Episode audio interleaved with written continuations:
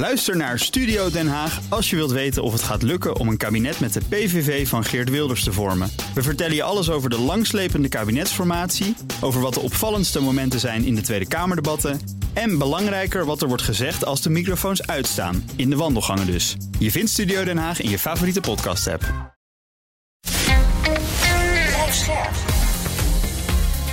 BNR Nieuwsradio. De nieuwe wereld. Annette van Soest. De bezetting van het Maagdenhuis, Black Lives Matter of het boerenprotest. Nederland kent een lange geschiedenis van actievoeren. Of het nu gaat om de klimaatproblematiek, ongelijke behandeling van vrouwen of de wooncrisis, we spreken ons uit.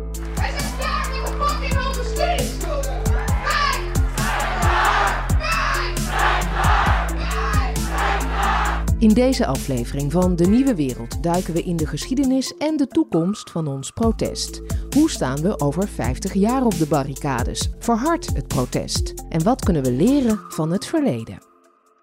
Om te snappen hoe ons protest door de jaren heen is veranderd, gaan we terug naar december 1969. Een groepje Amsterdamse mannen en vrouwen komt bijeen omdat ze zich willen uitspreken tegen de ondergeschikte rol van de vrouw in de maatschappij. Het is het startschot voor de feministische actiebeweging Dollemina. En een van de mensen op die bijeenkomst is Doenja Verwij. Uh, ja, Dolomina van het eerste uur, kan je wel zeggen. En uh, dat was in uh, nou, de eerste acties. Januari, 3, 24 januari 1970. Er was nou niet een directe aanleiding, maar protest hing in de lucht. We waren met een uh, groepje studenten, uh, maar ook werkende jongeren. En we waren al een aantal keren bij elkaar geweest in december 1969. Sommigen kenden elkaar van Maagdenhuis, Maagdenhuisbezetting.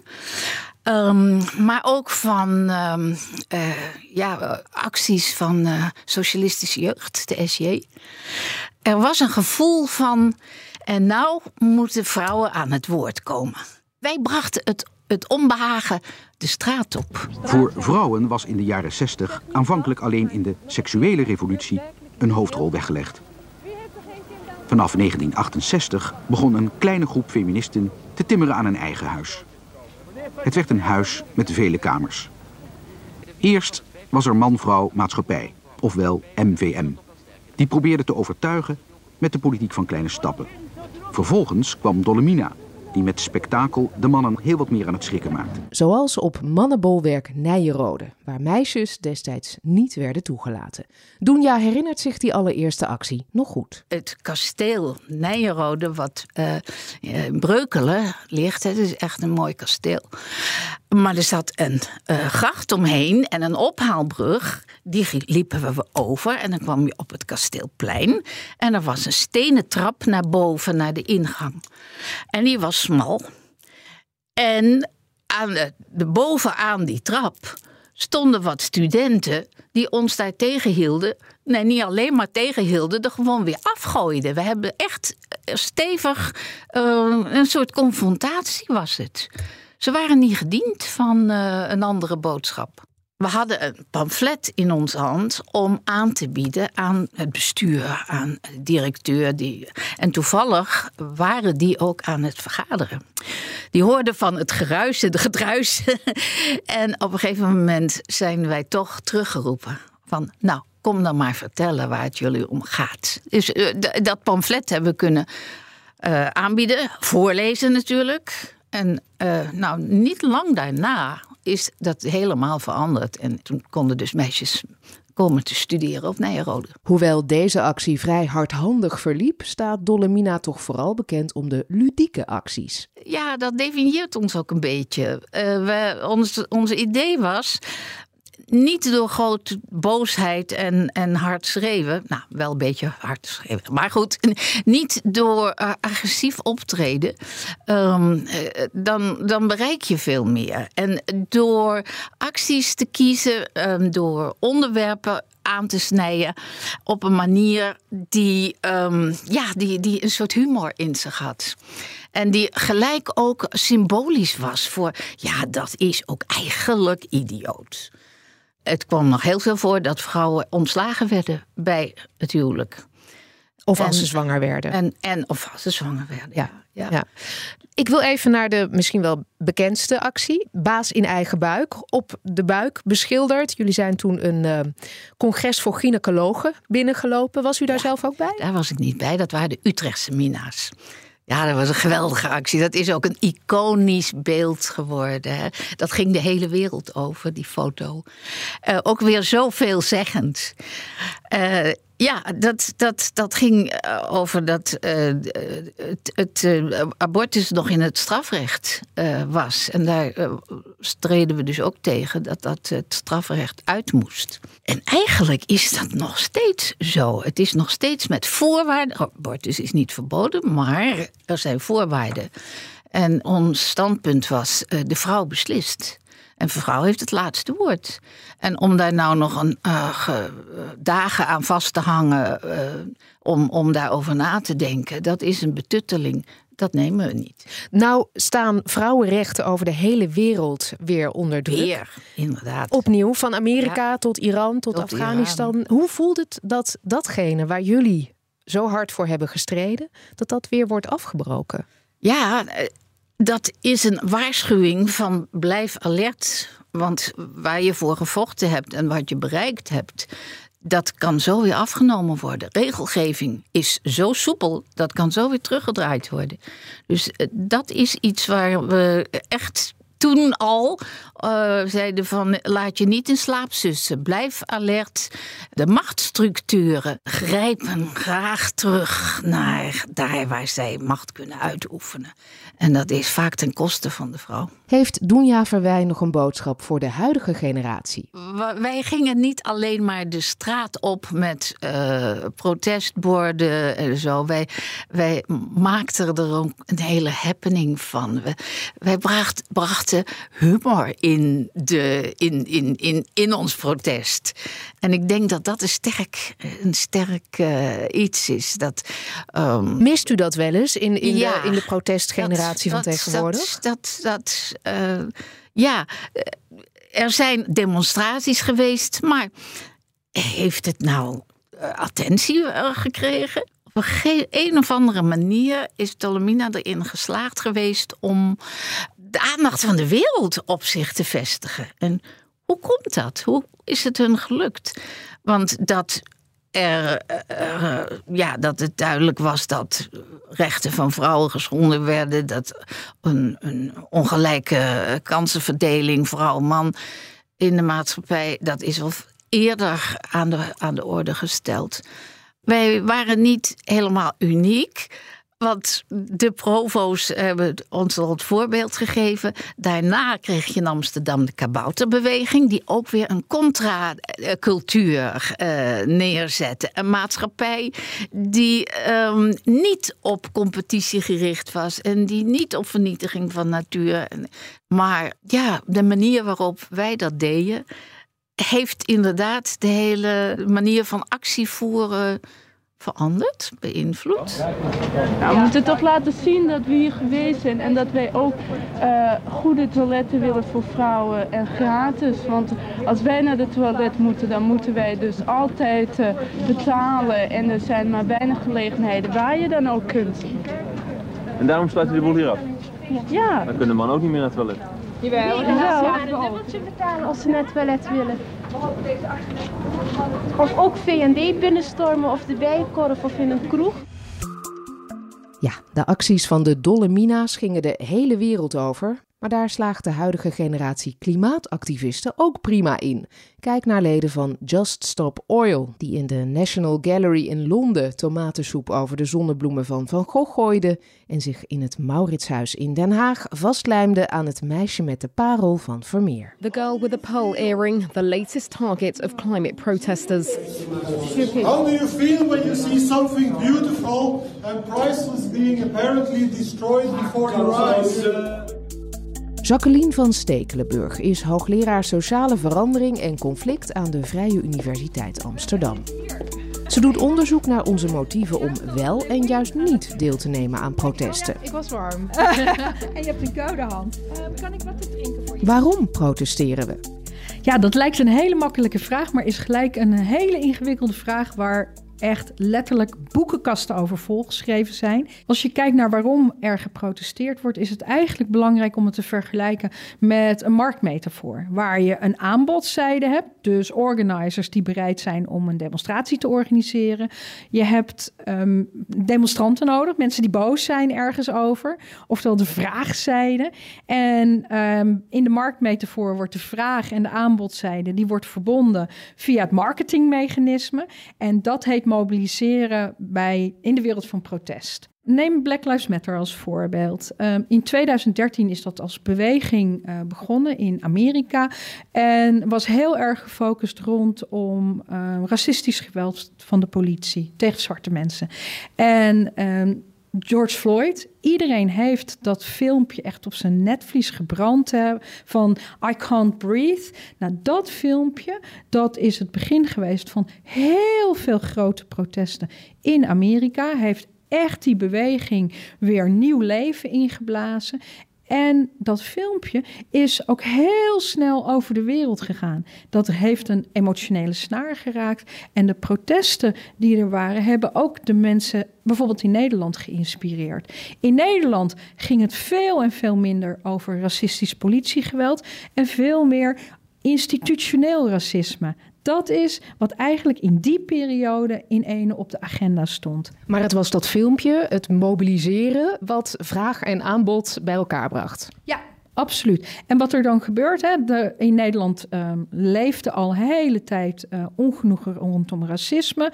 Denk bijvoorbeeld aan uh, Kick-Out Zwarte Piet.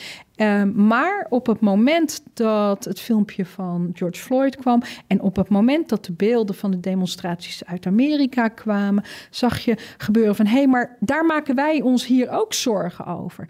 We geven er het even een ander sausje. Dus het werd niet racistisch politiegeweld, maar institutioneel racisme. Maar er was al een vraag. Er waren al mensen die zich daar zorgen over maakten. Kickout Zwarte Piet organiseerde al sinds 2011 demonstraties daaromtrent. En er was um, vanuit um, een coalitie was er ook duidelijk behoefte om een demonstratie te organiseren. Hoe is protest veranderd door de jaren heen? Kan je spreken van bepaalde trends? Ja, wat je um, ziet gebeuren is dat um, vroeger hadden we um, grote demonstraties op één plek. Uh, ik denk bijvoorbeeld aan de vakbondsdemonstraties, de kruisraketten, waar er uh, een half miljoen mensen in Den Haag stonden. en tegenwoordig zien we dat er meer gedemonstreerd wordt. Er zijn meer demonstraties, maar die zijn kleiner en op veel verschillende plekken.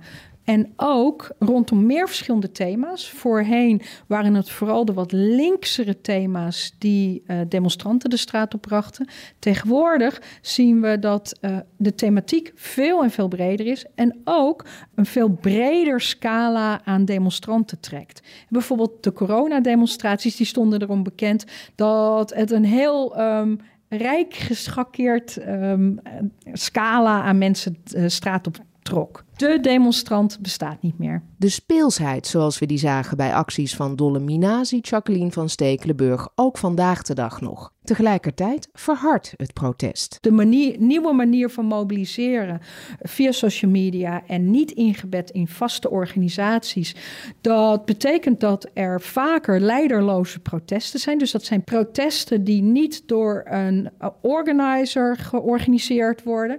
En vaak zijn er ook geen kennisgevingen afgegeven. En dergelijke protesten hebben de neiging om uh, eerder uit de hand te lopen. Um, de politie weet er niet van. Er is geen script. Dat is heel belangrijk. Als demonstranten naar een demonstratie toe gaan, dan willen ze een beetje een idee hebben van wat ga ik hier eigenlijk doen. Hè? Als jij in een restaurant komt, weet je ook wat er van je verwacht wordt. En dan loop je het script af samen met de mensen die daar werken. Dat verwacht je ook bij een demonstratie. En dat is minder zo bij uh, deze leiderloze, niet aangemelde demonstraties. Dus die dreigen eerder uit de hand te lopen.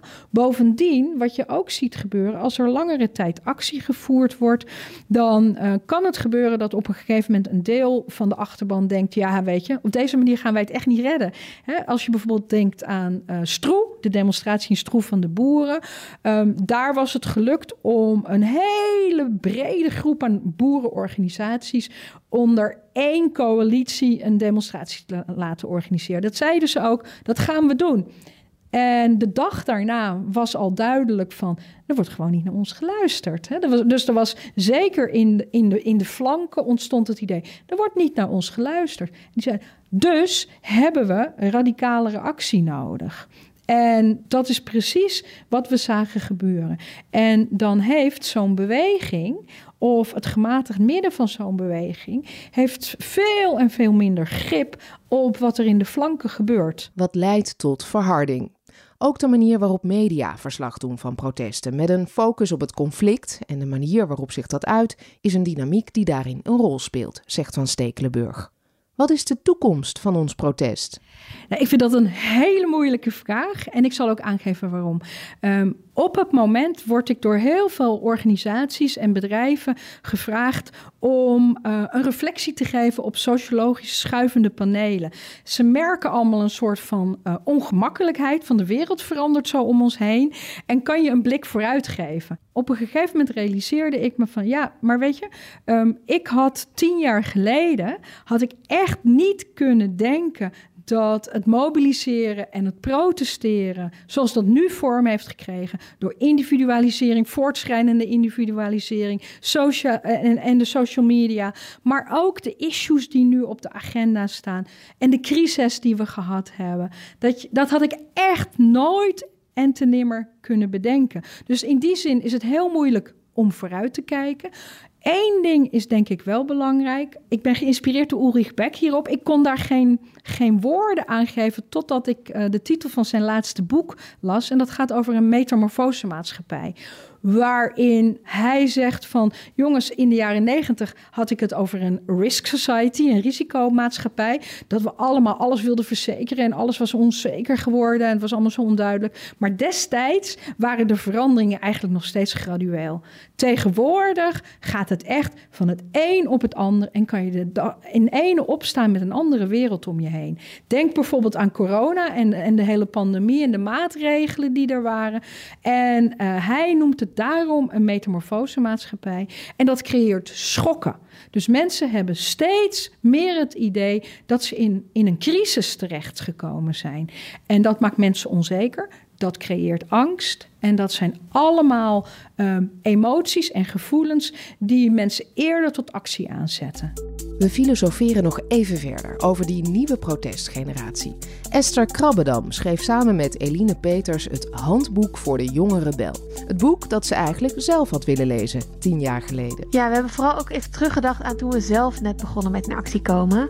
Um, toen waren we allebei begin twintig en toen hebben we heel veel geleerd, maar ook heel veel fouten gemaakt in het begin. Heel veel dingen waarvan we nu denken, nu we veel meer uh, ervaring daarmee hebben. Van oeh, als we nou een boek hadden kunnen lezen, een beetje na, naslagwerk hadden gehad, wat je eigenlijk kunt doen, hoe je bepaalde dingen kunt aanpakken, dan hadden we daar heel veel aan gehad. En we hebben eigenlijk het boek geschreven wat we dus zelf hadden willen lezen toen we begonnen met onze eerste stapjes op het gebied van activisme. En ik denk ook, heel veel jongeren zien nu bijvoorbeeld een Greta Thunberg, die um, natuurlijk superveel heeft bereikt, maar die ook best wel ja, pittige manier van actie voeren heeft. Je zien acties van Extinction Rebellion, um, waarbij je vastplakt aan een, aan een schilderij. En dat zijn hele belangrijke dingen. Maar het is niet het eerste stapje wat je per se zet als je um, actief wordt. Je kunt ook met hele kleine dingen beginnen. Je kunt je ook aansluiten bij andere bewegingen. En dat willen we ook graag in het boek vertellen. Je hoeft niet meteen een Greta Thunberg te worden. Um, je kunt ook gewoon echt heel klein beginnen. En zo kunnen we de drempel voor heel veel jongeren, denk ik, een stuk lager maken om ook echt in actie te komen. Hoe is de manier van demonstreren veranderd sinds die eerste keer dat jij in actie kwam? Ja, toen ik in actie kwam, um, dan spreken we zeg maar nou, ruim tien jaar geleden. Um, toen waren er veel minder jonge mensen actief dan nu. dus ik was echt de enige in mijn vriendengroep bijvoorbeeld Um, terwijl er ook toen al echt wel dingen waren. Ik heb bijvoorbeeld veel actie gevoerd tegen het leenstelsel. Um, waar, je, waar we echt heel erg boos om konden worden. Um, maar het lijkt alsof er nu ja, ik zeg wel eens alsof het wat hipper is of zo om in actie te komen. Ehm, veel meer jongeren doen het, spreken er met elkaar over. Het is ook echt iets wat je met vrienden kunt doen. Dus dat is denk ik echt wel veranderd. Het is natuurlijk ook wel echt zo dat de situatie. Het gaat ook gewoon slechter met heel veel dingen dan het tien jaar geleden ging. volgens mij is de generatie die nu 20 is, de eerste generatie die het slechter gaat krijgen dan hun ouders. Of in ieder geval waar Um, die, je hebt gewoon veel minder garantie op een baan naar je studie bijvoorbeeld. Nou, klimaatverandering.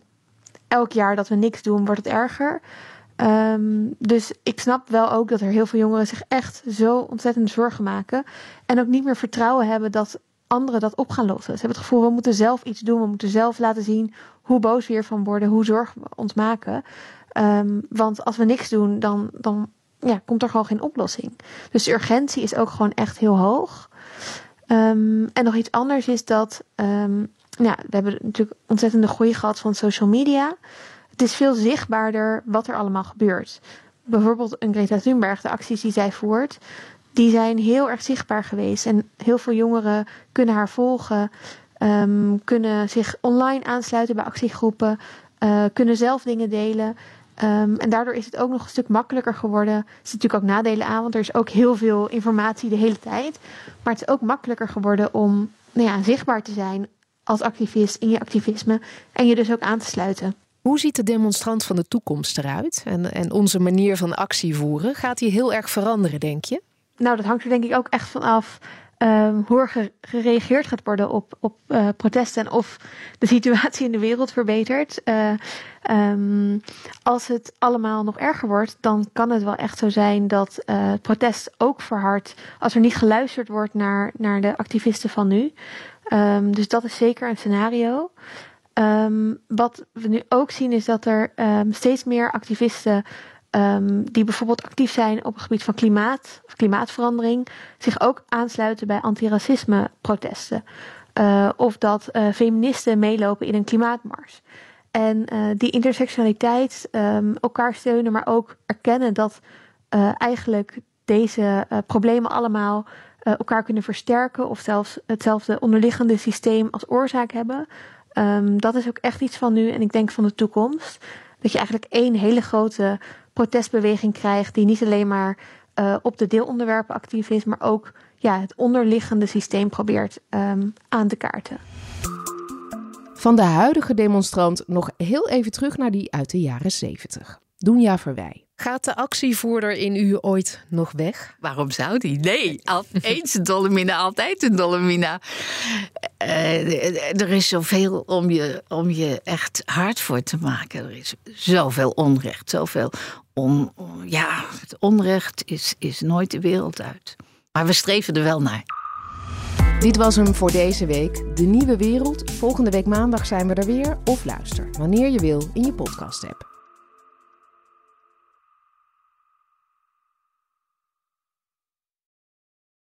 Ook Thomas van Zeil vind je in de BNR-app. Je kunt live naar mij luisteren in Zaken doen. De BNR-app met breaking news, het laatste zakelijke nieuws... en je vindt er alle BNR-podcasts, bijvoorbeeld Het Nieuwe Geld. Download nu de gratis BNR-app en blijf scherp.